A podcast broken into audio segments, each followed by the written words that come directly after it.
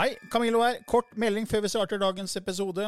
Jeg er ute med en helt ny åndelig podkast som heter eh, Åndelige tanker med Camillo. Du finner mer informasjon om den hvis du går til camilloloken.no skråstrek gratis. camilloloken.no skråstrek gratis. Der er det også overraskelser til deg som er fast lytter av mine podkaster. Hiring for your small business? If you're not looking for professionals on LinkedIn, you're looking in the wrong place. That's like looking for your car keys in a fish tank. LinkedIn helps you hire professionals you can't find anywhere else, even those who aren't actively searching for a new job but might be open to the perfect role. In a given month, over 70% of LinkedIn users don't even visit other leading job sites. So start looking in the right place. With LinkedIn, you can hire professionals like a professional. Post your free job on linkedin.com slash people today. I denne podkasten belyser vi temaer innenfor den ikke-fysiske åndelige verden og hva vitenskapen eventuelt sier om dette. Mye av innholdet er basert på vår erfaring gjennom mange år og på informasjon fra ulike kilder. Vi deler her med deg vår sannhet, som kanskje ikke er en universal sannhet. Noen av podkastene inkluderer også gjester som deler med seg sin opplevelse av hva som er sant og riktig innenfor disse temaene, noe som nødvendigvis kanskje ikke alltid stemmer med vår egen sannhet. Mer informasjon om vår podkast finner du på andogvitenskap.no. Takk for at du lytter til vår podkast. Nyhet! Vi inviterer alle våre lyttere til et nytt spirituelt og spennende minicruise med Color Line til Kiel helgen 13. til 15. november. Gå til andogvitenskap.no, klikk på cruiselinken, og du kan lese mer om hva cruiset inneholder. Der vil du også kunne se video og tilbakemeldinger fra vår forrige tur i august.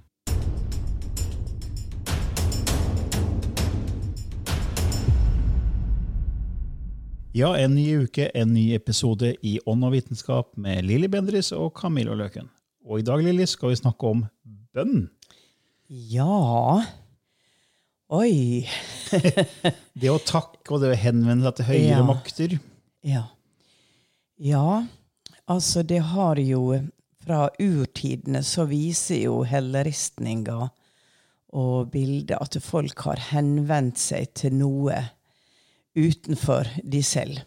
Ehm, så det tenker jeg er eh, den naturlige connectionen vi har med den vi egentlig er, som man kan kalle så mange navn. Eh, høyere selv, eh, hjelpere, mm, Buddha, Mohammed, ikke sant? Man, der, der blir en eh, konkret ofte man henvender seg til ut ifra sin forståelse av hvordan man er oppdratt, og hva man har lært, og ofte hva man forandrer seg til etter hvert som livet skrider frem. Uh, Jeg kan jo huske at uh, når jeg var liten, så ba jeg. Og jeg ba fordi at det, det gjorde vi Vi gikk i kirka, og der ba man. Og det var jo noe merkverdig greier. Jeg husker at jeg brukte å bli veldig trøtt når, når man var i kirka.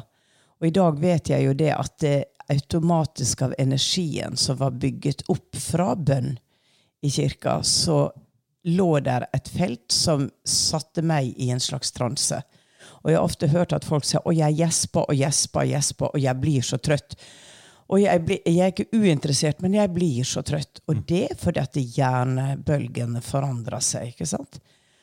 Og da var det veldig godt med denne bønna at det, der var noen.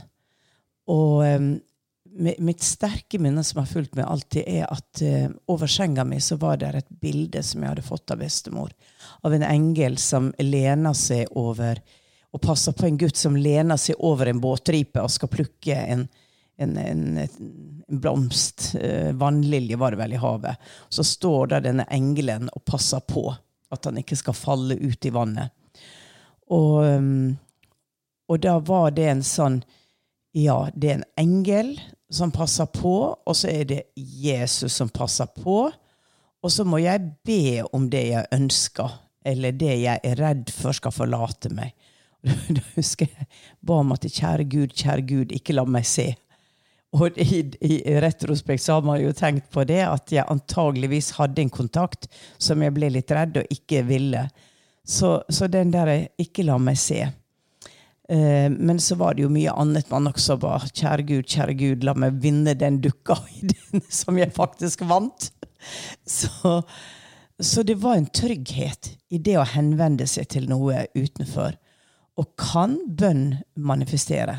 Ja, jeg tror det. Det som er litt, ja, for det, altså, Når vi ber, da, så ber vi til noen utenfor oss selv, men jeg tenker at all kraften ligger i oss. Ja, ja. Så gir vi fra oss kraften vår når vi ber. Altså, når vi ber, så tenker jeg at man egentlig ber til seg selv indirekte. da. Ja, uten Fordi- at man forstår det. Fordi det som er spennende, når fordi at vi, vi har jo kalt denne podkasten for Ånd og vitenskap. Og jeg prøver å finne vitenskapelige forankringer på ting. Og det er forska på intensjon. Ja. Det å ha en sterk intensjon om noe, så du kan si at En sterk bønn er som en sterk intensjon. Ikke Ja. sant? Man ber om et eller annet, man har en intensjon om å oppnå et eller annet. ja. Og eh, dr. William Tiller, som jeg har hatt gleden av å utveksle informasjon med flere ganger eh, Han har vært, eh, vært tilknytta Stanford University i mer enn 30 år og er nå pensjonert, men han har utgitt et eh, stort rekke materi vitenskapelig materiale. Eh, både i den klassiske vitenskapen, men også det som berører på en måte litt mer altså Det som noen vil si ikke er helt stuerent, for han har forska på intensjon. Og han sier at intensjon, eh, en, eh, på en, måte en sterk tanke, kan påvirke fysisk virkelighet. For Han sier at av, er, du har flere lag av virkelighet, og vi kan koble oss på en ikke-fysisk virkelighet som kan manifestere i vår fysiske virkelighet. Og han har- vitenskapelig signifikante studier på at intensjon faktisk påvirker fysisk virkelighet. Og jeg vet at det også er gjort studier hvor man har sett på healing, hvor man har hatt bønn, og flere mennesker har stått rundt et annet menneske og sendt healing og lys. Og så har man sett at ting har blitt bedre. altså Snakk om svulster som har forsvunnet. Det, jeg vet at Greg Braden har noen videoer på det. Jeg husker ikke når det var, men det var noen år tilbake. Han la ut noen videoer på hvordan man praktiserte healing, og man kunne dokumentere at bønn fungerte. da. Ja. For det, det, igjen kommer jeg tilbake til det her med energi, frekvens og vibrasjon. ja. Fordi når du tenker en tanke, så er det egentlig elektromagnetisk aktivitet. Man vet jo at når man tenker, så kan man måle tanker? Med, med, med apparater. Man kan se hjernebølger. Og man har det som heter MEG, eh, magnetisk encefalografi, sånne maskiner, som måler magnetisk aktivitet av hjernen utenfor hodet. ja. Så man vet at når vi tenker, så går det faktisk energi ut av hodet og utenfor kroppen. og Det er målt opp til to meter utenfor kroppen, og man mener at det går mye mye lenger. ja. Det er bare at man mangler måleinstrumenter. Så når man ber, så, så tenker jeg da, da sender man ut ganske sterke elektromagnetiske signaler. Jo sterkere bønnen er, og jo flere som ber, så er det som en sånn energisignal som går ut i eteren, som faktisk uh, fungerer på den måten at universet er et selvorganiserende system. Og da vil det gi tilbake det du sender ut. Og det er jo loven om årsak og virkning, det er loven om tiltrekning, det er loven om vibrasjon. Alle, disse lovene jeg snakker om i mitt eh, tolv universale lovekurs. For det handler om det man sender ut, kommer tilbake. Og det står jo også i Bibelen du skal høste det du sår. ikke sant? Ja, ja. Når du sår noe, så høster du det.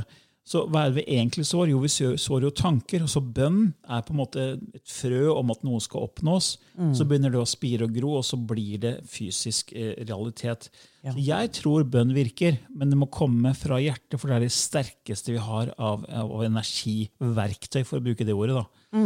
Hjertet er mye sterkere sånn elektromagnetisk enn hjernen. Så hvis du ber med hjertet, så kobler du inn eh, både 5000 ganger kraftigere magnetiske felt og 60 ganger kraftigere elektriske felt enn hjernen. Så det er, det er en oppriktighet i det å, å, å be. da. Hvis du virkelig ber med oppriktighet, så tror jeg det kan skje mirakler, egentlig. Eller det vi kaller mirakler. da. Ja, men det tror, jeg, det tror jeg også. Og du forklarer det jo så kjempefint og forståelig, Camillo, på, på din måte. Og her er jo gjennom historien utrolige beretninger om ting som har skjedd som liksom Ja, man kaller det et mirakel, ikke sant? Fordi at man ikke forstår det. Men eh, Og, og, og så hva med bordbønn? da? Ikke tenkte, alle Ja. de religionene eller kulturene som, som ber for maten. Ja. Hvorfor gjør man egentlig det? Ja. Man snakker om å velsigne maten. Hvor kommer det fra, egentlig? Ja. Det å velsigne maten. Så jeg tenker at det er en intensjon om at maten, vi takker for maten, den skal gjøre oss godt. Mm. Og hvis det er da kjøtt, da Mange jo ikke, spiser jo ikke kjøtt, som er vegetarer eller veganer. Eller, og Og så sier jeg ja, men eh, hvis du velsigner maten, så så takker du da, hvis det er kjøtt, for eksempel, så takker du det dyret for den jobben de har gjort, for at det, den eh, kalle det, næringen kommer på bordet til deg som menneske. da. Ja. Ikke sant? Så, så, så jeg husker jeg så et program eh, hvor nordmenn skulle reise ut i verden og bo som urbefolkning. Og da var det en norsk familie som skulle bo Jeg tror, det jeg tror det het Den store reisende. et eller annet sånt. Ja, Det var på NRK, tror jeg. ja. Og da skulle man reise ut og bo sammen med urbefolkningen. Og da var det noen som reiste til Asia og så skulle bo med en, eh, med en stamme eh, ute i en jungel der. Og de takket på en måte et tre eh, før de hugget det ned, for de trengte det treet for å lage en, en kano. ja. Eh, og da sto de rundt i tre og ba og takket. da, og liksom på en måte så 'Tusen takk for den jobben du har gjort, men nå trenger vi deg.' så tusen takk. Og, det, og det, er sånn, eh, det er på en måte en respekt for at alt eh, rundt oss, alt levende, har en hensikt Ja. og intensjon igjen. da. Så jeg, Når man ber for maten og bordbønn, så tror, jeg det, så, så tror jeg det faktisk kan endre frekvensen til den maten som man spiser. Ja. Ja. ja, absolutt. Jeg har jo hørt om, eller jeg har lest faktisk om eh, spirituelle guruer som har eh, drukket gift uten å dø. Ja. Gift som, som hadde drept alle andre. Ja. Men de velsigner giften før de drikker den, og det skjer ingenting med dem. Nei. Og det er også, jeg husker, nå husker jeg ikke navnet på det, så jeg har jo lest mange bøker, eh, men det var en guru også som klarte å stoppe hjertet sitt fra å slå bare med tanken. Så legene fant ingen puls. Nei. Og det, her, er altså, det er vitenskapelig studie på denne guruen som, som viser at han, den fant ikke noe puls, for han bestemte seg for at ikke hjertet skulle slå. Ja. Og det, det er litt sånn, Intensjon har enorm kraft, og det er det det er forska på av professor William Tiller, i, i, som tidligere fra Stanford University. Han har jo nå nesten 15 års erfaring med det.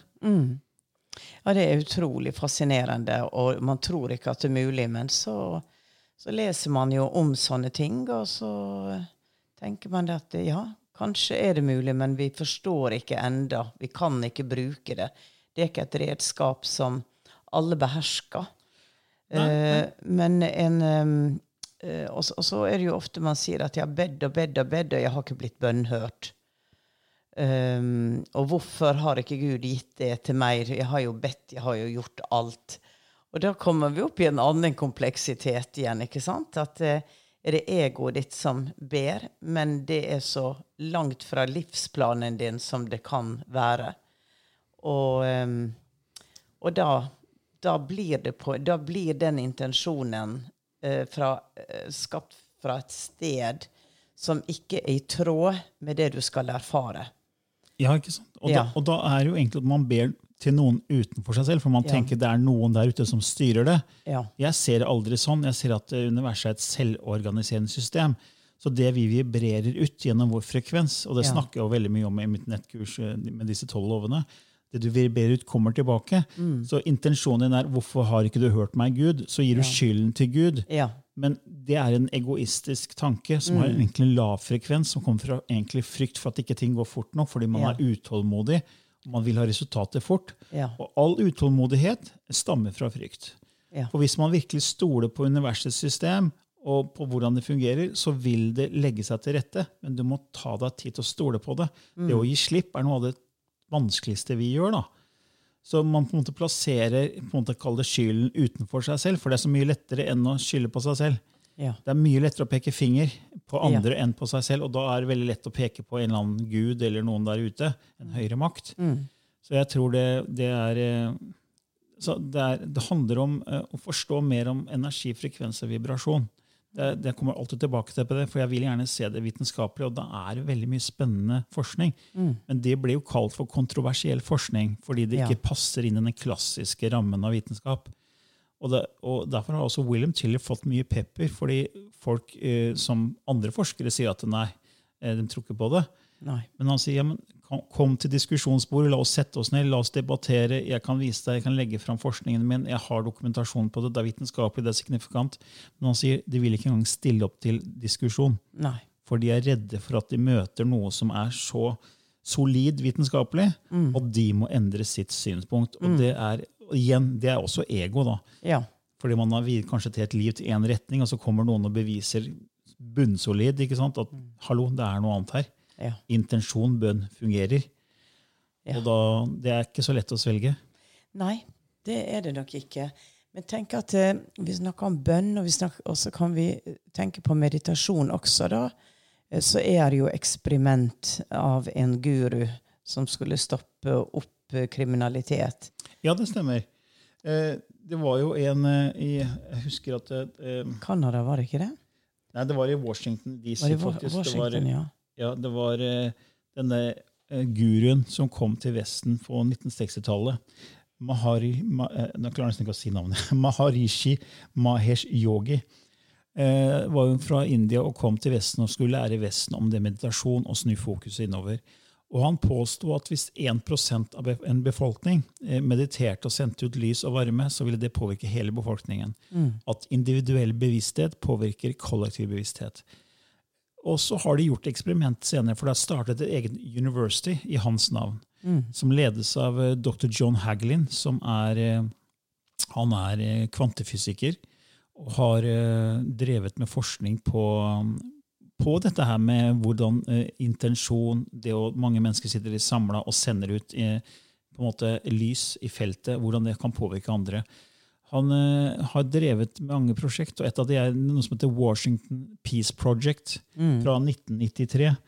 Og det som skjedde der, var at eh, da, vil, da hadde de erfaring allerede fra flere prosjekt, hvor de sa det at eh, hvis mange nok mennesker setter seg ned og mediterer og sender ut lys og varme, så vil det kunne redusere bl.a. kriminalitet. Så de sa at de skulle redusere kriminalitet i Washington med over 20% ved at x antall mennesker skulle sette seg ned og meditere i opptil to måneder. Det starta med jeg husker ikke mange det var, noen hundre, men det endte opp til slutt med 4000 som satt og mediterte helt i stillhet. Snakket ikke med hverandre. Bare alle satt i, i sin egen lille boble og sendte ut lys og varme. Og da kan du si at det er på en måte bønn da, om Ja. at ting skal gå bedre Ja. eh, for befolkningen. Og eh, politimesteren og politietaten i Washington bare rista på huet. Det dummeste jeg hadde hørt. at, at det å sitte stille og måtte bare meditere og be skulle, skulle hjelpe, det, det, det var bare sprøyt. Og det som skjedde, var at eh, etter fire, nei, etter to uker, så, nei, to måneder, unnskyld, så kunne man dokumentere med at de hadde redusert kriminaliteten med 23,3 mm. og han politimesteren han fikk jo helt sjokk, for han sa at det eneste som skulle klare å gjøre en så stor forskjell, ville være en halv meter med snø, for det her var i sommermåneden i Washington, og da var det veldig høy kriminalitet. Ja. Så, så de fjerna alle mulige på en måte, ting som kunne påvirke kriminalitetsraten. De hadde historikk på det. Og de så at pga. det prosjektet her, med nesten 4000 mennesker som satt og mediterte og sendte lys og varme, så reduserte man kriminaliteten med, med over 23 Og jeg, har, jeg legger ut en link på andogvitenskap.no under denne episoden her, hvor man kan gå inn og lese om det studiet. Der kan man lese alt om det. Det er ikke noe jeg finner på. Det er faktisk veldig spennende forskning fra, fra John Hagelin, som har leda det prosjektet, og dette universitetet som er nevnt etter denne yogen fra, fra India, da, som kom i 1960. Og det som er interessant, som jeg skal si før vi avslutter det prosjektet, her, det er at han spådde 1% at det var nok til å Ja. endre befolkningens eh, på en måte eh, hele befolkningens bevissthet. Men så har det kommet studier i ettertid som viser at det er nok med en, en kvadratroten av 1 av befolkningen. Ja. Ikke sant? ja. Så, så, eh, og de har det mange studier på. Det er, dette universitetet, som det er en link til på nettsiden annovitenskap.no, har faktisk gjort mange studier som viser at det veldig få mennesker mm. skal til hvis de er i virkelig høy frekvens, i høy kjærlighetsfrekvens, til å endre hele befolkningen. Så at individuell bevissthet påvirker kollektiv bevissthet. Ja. ja. Og jeg tenker tilbake til Det kan være 1996, jeg er ikke helt sikker. Da dro jeg til Amerika, til Four Corners, hvor det hadde gått ut brev om en verdensmeditasjon. Og her, Det var en fantastisk opplevelse, for dette her kom det jo fra med bobiler, og det var jo eh, Hele ver- hele verden? Hele verden. Det var tusenvis av mennesker. ikke sant? Og eh, hasjrøyken lå jo tett. Så de var ganske happy før de begynte. Men da, sk- da laga de en seremoni hvor vi skulle stå opp før soloppgang. Eh, og mennesker ble satt i sirkler. Og den innerste sirkelen gikk til venstre. Så man skulle gå. Og den neste sirkelen til høyre, den Og neste til gang. venstre annenhver gang. Så man lager sånne sirkler, mange sirkler.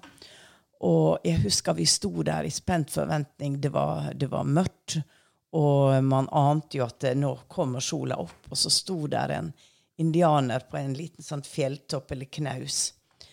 Um, og idet sola går opp, så begynner han å blåse i en konkylie, en stor konkylie. Og den lyden ikke sant, Han sto jo høyt oppe og langt fra oss, men den lyden den bare, den bare vibrerte som om han sto rett ved siden av oss. Og alle ble jo grepet, ser sola kommer opp. Og, og det ble en andakt, og det ble en stemning som var helt utrolig. Og jeg mener, husker vi også skulle lage en form for chanting. Altså vi skulle si noen ord. Dessverre så husker jeg ikke hva de orda var.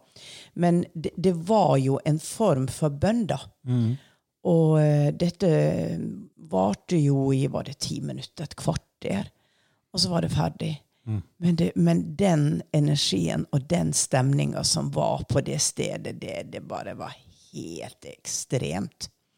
Og um, det har vært flere sånne verdensmeditasjoner senere. Jeg har aldri reist til noen da, men jeg hadde denne ene opplevelsen, og det var, det var sterkt. For da følte man virkelig der man sto, at man er med på noe, noe stort. Ja, og det, Jeg har også hørt at hvis to eller flere kommer sammen med en felles intensjon, så er det Ja. veldig veldig sterkt. Ja. Jo flere, jo bedre. Så når mange mennesker samles og har en felles, eh, et felles brennende ønske, en felles intensjon, så er det, går, går manifestasjonen mye raskere. Fordi det er så mye, for det her handler om energi.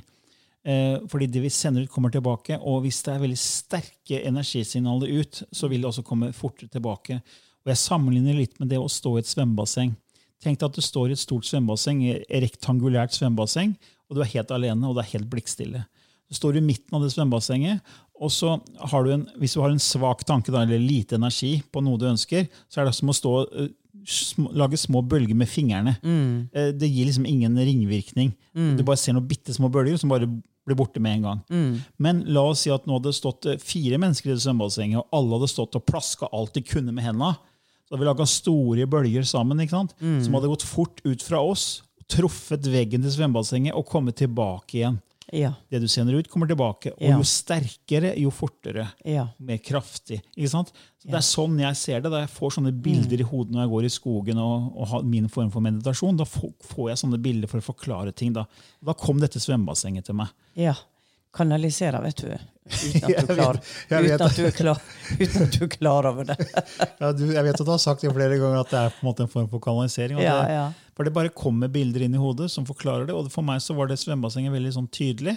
At det, det handler om eh, mengden av energi. altså Hvis du virkelig tar, kobler inn hjertet, og det er flere mennesker som gjør det samme, så er det veldig sterkt. Så hvis mange mennesker kommer sammen og ber, Ja. og jeg vet jo at menigheter som på en måte har opplevd at et medlem har, eh, har, en annen sykdom, eller noe annet, og hele menigheten går sammen om å be, så skjer det det, Mm. Ja. det man vil kalle mirakler. ja. Ofte gjør det det. Og jeg Mm. tror det, det handler egentlig ikke noe annet enn om energi. Mm. Energi, Og da er høyeste energien er på en måte kjærlighetsenergien som kommer Ja. fra hjertet. og Derfor Ja. må man virkelig ønske det. Så hvis du ønsker noe fra egoet ditt, og jeg skulle ønske en million kroner eller 50 millioner kroner i Mm. så er det på en måte en egoistisk eh, intensjon. Mm. Og det har ikke like sterk eh, kraft som kjærlighetsenergien, hvor du ønsker å skape for deg selv og andre. da. Ja. Nei, helt, eh, helt klart. Det er, mm, det er fascinerende beretninger frem gjennom tidene. Og eh, Jesu lære altså han, ba, han laga jo en bønn på um, som, som blir jo brukt. Det eh, fad, Vår Fader vår. Og um, det har blitt fulgt. Og jeg tenker hvis du går inn på et hellig sted, og hvorfor er det et hellig sted? Jo, da tenker jeg fordi at det har blitt tenkt veldig mye tanker av kjærlighet, Det har blitt sendt ut veldig sterke ting. Og, og det føles. Det føles. Og folk samler seg i flokker. Jeg ser det jo bare på et lite kurs som, eh, som man har, da. Hvordan når man mediterer i, um, sammen. Hvor mye sterkere det blir for hver individ, hva de opplever, hva indre opplevelser de har. Fordi at de blir båret frem av en bølge fra alle de andre. Og derfor så sier jeg ofte mm, at eh, kom sammen, møt hverandre, mediter sammen. Be, spiller ingen rolle, men lag en felles energi av uh, god intensjon, whatever det er dere ønsker. Og, um, og det er bare en, en, en så god følelse å sitte i en forsamling og så kjenne at det her skjer det noe. Logisk så kan du på en måte ikke forklare det, men du, du, du blir berørt av det. Ja. Og um, Ja, for det, det, det, jeg syns det var interessant med den forskningen til Tiller? Ja. og uh, John Haggin, Ja. som er kvantefysiker og professorer i, i både det ene og andre. Uh, for da har vi på en måte noe mer håndfast eh, enn at det bare er synsing fra oss ja, to. absolutt. Men så kom jeg også, når du snakka nå, så fikk jeg et bilde fra, fra flere av kurs vi har holdt sammen, hvor vi har en øvelse hvor tre mennesker skal holde hverandre i hendene, og så skal den fjerde, for det er grupper på fire, den fjerde skal stå i midten. Ja. Så alle tre står rundt denne fjerde personen som står i midten, og så skal alle tre koble seg inn på hjertet sitt og sende kjærlighet til det mennesket. Og de tilbakemeldingene vi får da, er at det mennesket som står i midten og får da kjærlighetsenergi, eh, kraftenergien fra hvert eh, av disse tre menneskenes hjerter, den er ganske utrolig. Alle merker det. Alle får en sånn euforisk, nesten euforisk opplevelse. Ja. Fordi det, det handler om energi, og vi er jo energivesener. Hvis du Ja. bryter ned kroppen, så finner vi milliarder av celler som består av milliarder av atomer, som igjen egentlig er energi. Det er jo det forskerne ser nå. Så alt er energi, frekvens og vibrasjon. Jeg kommer alltid tilbake til det. Ja da, ja, ja, ja. Og, og Nikola Tesla, som er på en måte en som var langt forut sin tid, som sa hvis du ville vite hemmeligheten med universet, så må du tenke i form av energi, frekvens og vibrasjon. Jeg vet ikke om han egentlig sa det, men angivelig skal han ha sagt det. Så det er jo det det egentlig handler om, tenker jeg. Ja, Energi, frekvens og vibrasjon. ja. Det er det. Vi lever på en måte i et energihav, og vi er energivesener fordi kroppen, det fysiske, er egentlig komprimert energi. Og når vi ber, så sender vi jo ut egentlig tanker og følelser som er elektromagnetiske enheter. Og i 1972 så leverte jo eh, John, eh, Jane Roberts eh, en bok som het Set Speak, som både du og jeg har lest. Ja. Utrolig spennende. Sett ble jo da sett på som en kilde. Akkurat som du kanaliserer the, the, the, the Council of Elders, eller De eldres råd, som er dine hjelpere, så kanaliserte Jane Roberts uh, Sett, kilden Sett. Og de av dere som lytter og kjenner til Sett, vet vel hva godt hva jeg snakker om. Og Da kom det en bok i 1972 som het Set Speaks, og der kommer det så detaljert informasjon om hvordan tanker er spesifikke elektromagnetiske enheter. Og dette her var jo før eh, MEG-apparatet var funnet opp, altså det magnetiske apparatet for å fange opp at tanker faktisk også har magnetiske eh, element i seg. Mm. Så denne boken kom lenge før apparatet kunne måle magnetisk aktivitet i hjernen. Ja. Og det syns jeg er litt spennende. Ja. At her kommer en kanalisert bok som inneholder Ja. informasjon om at eh, våre tanker er magnetiske. Ja. For man visste at det var elektriske. Og så kommer det da apparatet, oppfinnelsen, som viser det senere. Ja. Og, og da er også, også, Den boka er veldig fin eh, for de som er interessert i å gå i dypdykk i dette. her, så vil jeg anbefale Set Speaks. Og, og Der også snakker sett om nivåer av bevissthet og snakker om energier, frekvenser og vibrasjoner. Veldig spennende bok. ja, den var ganske groundbreaking. Ja. Og Esther Hicks eh, fortalte jo det at hennes åpning kom jo når hun leste eh, Sett-boka. Og, eh, og hun eh, er ganske fascinerende hvis man går inn på YouTube og, eh, og ser etter Esther Hicks eller Abraham Speaks. Og um, det er jo loven om tiltrekning, da. Ja, det, Men det, det er jo det samme, ikke sant? Ja, det var det, det, interessant. Mange tenker at loven om tiltrekning var det som liksom ble eh, lansert av Ronda Byrne med The Secret i 2006. Ja. Men Esther Hicks var jo ute lenge før det med loven om tiltrekning. Ja, det, de sier at dem, hun ville ikke være med på filmen. Hun ble forespurt. Det var ut ifra hennes lære eller um, forståelse, og hun ville ikke det. Eh, økonomisk så var det kanskje et stort tap. For det, det har vel gått verden rundt.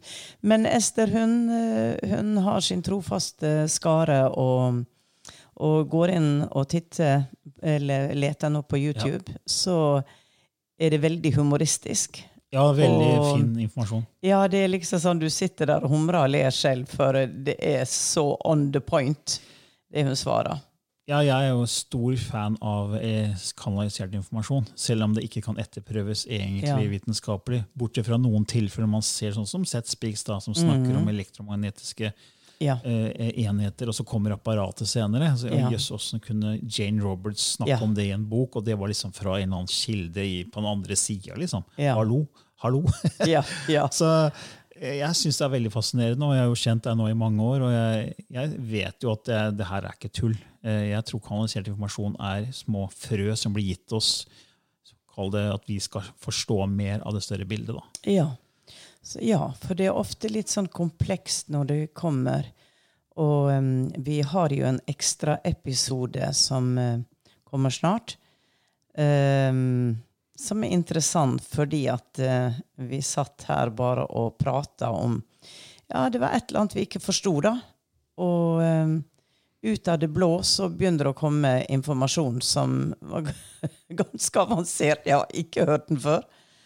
Og um, når jeg kanaliserer, så kommer jo gjerne ordene på engelsk. Men vi var så forutseende at vi klikka på opptak på telefonen.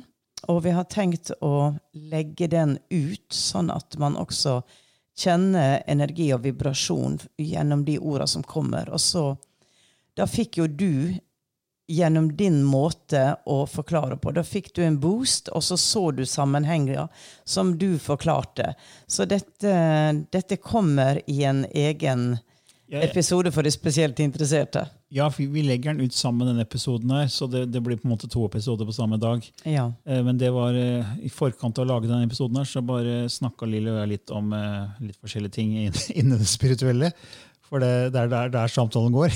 Ja, ja. Og, og da bare brått så var Lilly i transe og så begynte å kanalisere det, The Council of Elders, eller De eldres råd, som kom gjennom og forklarte ting som vi tok opp. da. Og så da jeg tenkte vi, ok, Det må vi dele med lytterne våre. Så det kommer, kommer snart i en egen episode sammen, eller kommer med sammen med denne episoden her. ja. Så vi bare legger ut eh, Ja. Yes. yes. Ok. Ja, har vi noe mer rundt temaet da? Eller er vi ferdig snakka? Nå har vi holdt på en halvtime. Eller? Ja, oi, oi, oi, oi. Ja, det går, det går så fort. Det går veldig fort. Ja. Det gjør det. Eh, Mm. Men da skal du få lov å skifte gir og Mm. gjøre deg klar for lysspråket, som er vår faste Ja. lille innspill Ja. på slutten av episoden. Det, og det er jo også en form for energispråk. Og selv om vi ikke forstår ø, ord, så går de til vårt eh, system og påvirker. Vi har fått mange tilbakemeldinger av folk som har hatt reaksjoner. Uh, til det sterke reaksjoner, men veldig positive. da. Fått sterke åpninger. Så da gjør jeg meg klar. Lilly bare går litt sånn, eh, skifter litt uh, fokus. Egentlig bare roer ned hjernebølgene sine, så hun bare slapper av, lukker øynene, og så da skifter hun litt gir, som hun pleier å si. og går ned i lavere hjernebølger og kobler seg på. Og da kommer da i det som blir kalt for lysspråk. Og hvis det er første gang du hører på denne podkasten og ikke vet hva vi snakker om, så kan du gå inn på andogvitenskap.no og lese mer om lysspråket der. Og der kan du også laste ned en gratis e-bok om hva det egentlig innebærer, i tillegg til videoer og andre ting som ligger rundt lysspråket. Da er Lilly snart klar.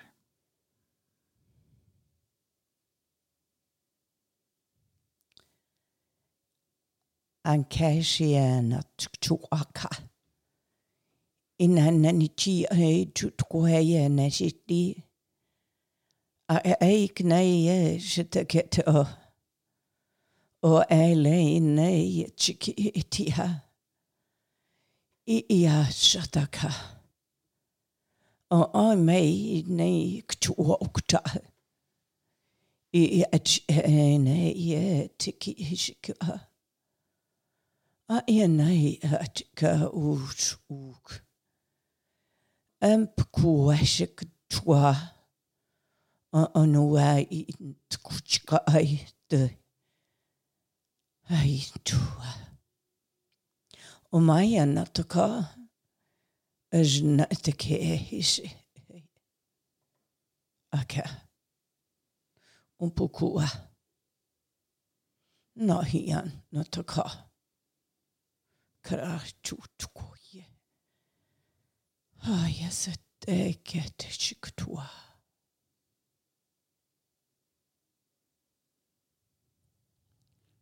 Ja. Eh, nå er Lilly ferdig med lysspråket, og da pleier jeg alltid å spørre om hun fikk se noe eller høre noe. Kom det nå, Lilly? Det kom en gammel indianerkvinne. Ja. Og jeg tror hun ga oss en bønn. Ok. Ja, for det virka veldig seremonielt på en måte. Eh, som om jeg fikk et indre bilde at hun sitter der og rugger frem og tilbake og ser utover. Egentlig et veldig flatt landskap.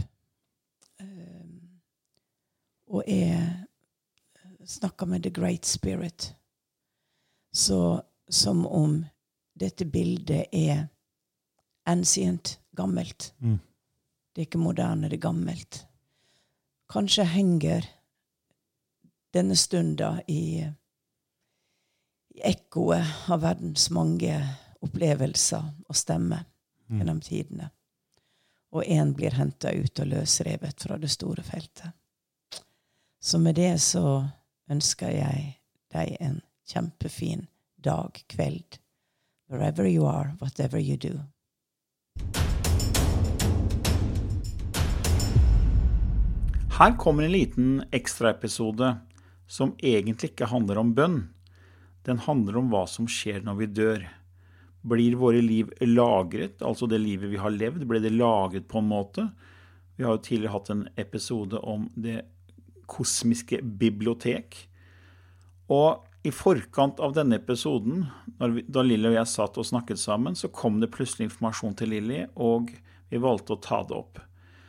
Og det følte vi var litt spesielt, så vi valgte også å legge den til etter denne episoden. Så her får du en liten ekstraepisode. Ja, i, um, her og nå så Det skjer jo alltid litt uh, pussige ting når jeg og Camillo er sammen. Og um, som vi før nevnte, så um, satt vi og prata om noe, og plutselig så begynner bare ord å komme inn, og jeg forstår at det er en kilde som, uh, som har noe de vil forklare. Og uh, når jeg mottar på den måten, så satt jeg jo helt vanlig og var ikke i noen transe eller noe, men disse ordene som kom, det var fremmedord for meg, vanskelig for meg å forstå. Um, og ord på engelsk så stoppa jeg også litt opp fordi at uh, hva er det ordet på engelsk? Men, uh, men det var interessant, og det føltes som om selv om det er hakkete og, og ikke helt klart, at eh, energien i det og det som ble sagt, skulle eh, gis ut direkte. For vi satte oss ned etterpå og sa vi må jo forklare dette på en måte så folk forstår, for, for eh, dette er litt vanskelig. Og Camillo, du er jo mesteren i å få bilde og forklare. For det, som, det var en distinkt forskjell mellom det som skjedde når vi døde ved at den astrale delen av oss går i reise hjem og fortsetter sin reise. Mens den delen av oss som tilhører det kollektive sjelefeltet, det går tilbake der, og det er ikke personlig. Eh, og det var det som var så fascinerende, at det er bare accumulation av tanker, følelser, som kommer og blir satt på eh, en plass som i et computersystem og blir gjenbrukt. Men jeg skal gi ordet til deg, Camillo. Ja, ja, for Vi snakker jo nå her om eh, hva skjer når vi dør, og vil det vi har erfart, eh, på en måte bli eh, Kall det lagra et sted. da. Ja. Eh, vi bruker jo alltid sånne dataprogram eh, sammenligninger. altså et Word-dokument som du sitter og skriver på. Når du er ferdig med det dokumentet, om du skriver en liten avhandling eller en bok, så, så trykker du 'lagre', og så lagrer det seg på PC-en, og så er på en måte det dokumentet stengt. Men det ligger jo der for Ja. evig og alltid. Så hva skjer når vi dør? Fordi vi har hatt veldig mange erfaringer som mennesker på den jorden. Alt fra massevis av frykt, opp, negative opplevelser, fryktbaserte energier, til kjærlighet. Altså hele spekteret fra frykt til kjærlighet. Det lagres jo i oss. Vi mener jo det lagres i i cellene på DNA-nivå, tror vi. da. Mm. Og det er ikke noe vi kan etterprøve vitenskapelig, så det her er ikke veldig lett Kvasivitenskap. ja, det kan du godt si. Det er bare synsing, egentlig. Men uh, når Lilly får sånne kanaliseringer, så blir jeg veldig fascinert, for jeg, jeg tror det ligger en del visdom i de, de, kanaliseringene. så da blir jeg veldig ivrig, og da tar vi opp de. Så jeg tok opp den som kom. Vi satt her og hadde en pause mellom uh, uh, det vi jobba med her nå, og så plutselig så begynner vi å, så snakka vi litt om det her med sjeler og tid. og eh, Vi lever vi mange liv, men de lever jo samtidig. Det er jo ikke noe tid, egentlig. Det er ikke noe lineær tid. Så da leves jo livene samtidig, og da begynte jeg å se det som et hjul. ikke sant? At navet, så Hvis sjelen er navet, så går det eiker ut til gummihjulet, og da kan sjelen leve mange liv samtidig. og Impulser som kommer hele tiden. Men hva skjer da liksom med all erfaring? Og da kommer Lilly med denne kanaliseringen som sier at uh, når vi dør, så har vi jo hatt uh, drømmer som ikke har blitt oppfylt. Og de kan vi fortsette å på en måte realisere i astralverden. At det er en form for personlig videregåelse der. Uh, men det du har erfart, på en måte alle følelsene dine, negative, positive, så sa kilden til Lilly, altså The Council of Villers, at det lagres i mellomrommet mellom atomkjernen og elektronene. For der er et enormt stort tomrom. 99,99% av atomet er, utgjør dette tomrommet som egentlig er fylt med energi, som egentlig er informasjon. Så vi tror veldig mye ligger der, og det frigjøres når vi dør. Og så går det inn i en slags kollektiv base for at den ene Gud, den alfa og omega, den, den skaperen, skal få disse erfaringene inn i en gryte for å erfare, erfare ting videre. Så den, din personlige historie fortsetter på astralplanet, men så skilles det akkurat som en slange som, som bryter ut av skinnet sitt. Så går slangen videre, men, men, skinnet blir igjen som en slags erfaring som går inn i en gryte. Og så sier Lily at, eller kilden til Lilly at eh, ja, så er det mange liv som da eh, gir fra seg sine erfaringer med form av informasjon, altså som da egentlig er energi, frekvens, vibrasjon, som vi da vi kaller for sjelspartikler. Og de går inn i en slags sjelegryte, eh, hvor de som har samme resonans, som på en måte har samme type erfaring, samles. Også det man gir mest energi til og bruker mest følelser til i livet, i det livet her, det er det som får mest på en måte, eh, det er det som går videre. Det som du har gitt massiv energi til, masse fokus til. Så havner det i, i denne gryta. Og det er så massivt. da, så Hvis du for har hatt ekstrem bitterhet i livet ditt, og er veldig bitter for et eller annet i livet ditt, og det har brukt veldig mye tid og krefter på gjennom mange år, og du er bitter, og du dør med bitterhet, så er det en erfaring som blir måte skilt ut fra deg som, som person. Så går det inn som på en måte informasjon, sjelspartikler, inn i denne gryta. Og da er det så massivt, så det, det må løses opp. Så du kan si at Da kommer det her med reinkarnasjon inn i bildet. For det, det er, til syvende og sist så er, handler alt om kjærlighet som skal erfare seg selv. Så det må gjennom smerte og lidelse. Men det her er så massivt at du kan ikke dytte hele den energibolken med, med bitterhet inn i et en nytt menneske, for da, da kan det bare akkumulere og bli bare mer voldsomt. Så det må splittes opp, så kanskje det skal inn i 100 forskjellige mennesker. Så du kan si at sjelspartiklene som da tilhører det ene mennesket som er massiv bitterhet, det blir da fordelt på 100 forskjellige mennesker. Går inn i 100 forskjellige mennesker som erfarer liv. Da fikk jeg et bilde av en stor sånn pastadeig. Du klarer liksom ikke å spise hele pastadeigen, men du må strimle den opp. så Den går liksom inn i en sånn maskin som strimler seg opp, og så blir mange tynne strimler pasta. Det er mye lettere å fordøye én strimle pasta enn hele deigen. Det var det bildet som kom til meg når vi snakka om det her. da. Genialt. Ja, det er litt sånn jeg, enkelt, jeg, bare, ja, jeg får sånne bilder. da, og det, ja. det, her er veldig komplisert informasjon, og vi, liksom, vi har jo liksom ikke svara på det her, men vi er veldig nysgjerrige på å prøve å forstå forskjellen mellom det er det lineære livet vi lever her, med fortid, fremtid og nåtid, og hva som skjer når det ikke er tid, hvordan alt henger sammen akkurat nå. At vi lever mange liv samtidig. Og hva skjer med når vi dør, med den informasjonen som vi har erfart. Og, så det her var et lite forsøk på å på en måte forklare ting. da. Ja. Og um, uh, dette er jo ting man kan spinne på videre. Det er en hel bok rundt dette temaet her, egentlig, Camillo. Ja. Og sitte og, og, gå inn og kanskje få mer informasjon.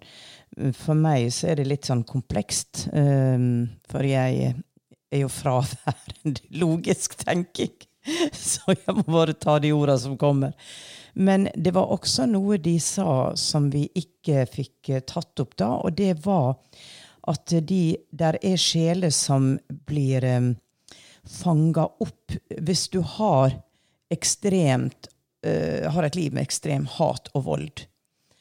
Så når du dør, så kan det skje det at du kommer inn i en type loop hvor du ikke går inn i astralverdenen, hvor, hvor du får, får, eh, hjelp til å forstå det livet. Og det blir heller ikke frigitt til denne sjelsgruppa. Men du går inn i en slags loop hvor du kommer tilbake med det samme igjen og igjen. Og det kan kanskje forklare hvordan også enkelte land aldri kommer ut av krig, hvor det er så stor akkumulasjon, og at det består veldig mye av disse sjelene som bare tar en sånn eh, Nesten som en bumerang og tilbake igjen. Og hvordan På de høyere planene så skal jo alle komme til Gud. ikke sant? Alle skal bli fri. Så hvordan kan man hjelpe disse sjelene da? Og da sier de at eh, måten å hjelpe disse sjelene ut av denne syklusen av gjentagende mønster. mønster, det er at en sånn sjel kan få hjelp til. Der er en gammel sjel, en sjel full av kjærlighet, som påtar seg en oppgave og sier 'jeg kan ta imot en sånn sjel'. For det som er greia da, er at den, den sjela som kommer inn i mammas mage, kanskje blir abortert eller dødfødt, eller dør like eh, etter fødselen. Fordi at det er måten man bryter sirkelen på. Eh, barnet skal ikke inn og oppleve å bli voksen og gå inn i det greiene der. Men er, da er det en kjærlighetshandling, kontrakter med noen som sier 'jeg skal hjelpe den sjela'. Og det for meg ble sånn veldig vakkert, egentlig, i sorg over å miste et barn, kanskje i en abort eller en dødfødsel, så er det en mamma som har sagt seg villig på et åndelig plan å hjelpe en sjel som er stakk i en syklus de ikke kommer ut av. Og denne lille babyen som da har så mye kjærlighet gitt til seg, den vil da gå til astralverdenen, mm. og så på en måte begynne det på nytt. Mm. Ja, fordi de låser seg med så negativ energi, så det er så lavt at de får ikke lov å gå videre i en life review. fordi ja. Mange sier jo at når vi dør, så får vi en gjennomgang av livene våre. Ja. Og det skjer på astralplanet, og så kan man fortsette på en måte sin historie der. Ja. Men er man i en, eh, er, hvis man har levd et liv med hat og drap, og det er bare så utrolig sterk negativ energi, mm. så er det så tungt at det kommer ikke opp i de høyere planene av astralplanet. Så du er bare i en sånn, kall det en helt nederste planet, hvor du bare stikker innom, og så er det tilbake til ja. tredimensjonen igjen. Så er det sånn pang, fram og tilbake, fram og tilbake. Ja. Og det kan pågå i evigheter. Ja. Eh, og da kan folk bli helt, sjeler bli helt låst og miste, miste seg selv. da. Eh, og det, det, er jo derfor det er så viktig at andre sjeler går inn og griper inn. Fordi de sier at her, det her kan ikke pågå forever. liksom. Ja, og det kan selvfølgelig, det er jo litt sånn som når jeg jobber med spøkelser, at det kan være en sånn type lost soul som ja. er der. Så er det også tilgang til at um, um, lysvesen vil alltid prøve å nå de. Men problemet er at uh, disse sjelene klarer ikke å se opp hvor lysvesenet eksisterer. Mm. Så lysvesenet må nedskalere seg selv mm. og prøve å få en, en kontakt, noe som man også gjør ved hjelp Eh, i Åndenes makt, f.eks., eller for de som arbeider med å hjelpe sjeler.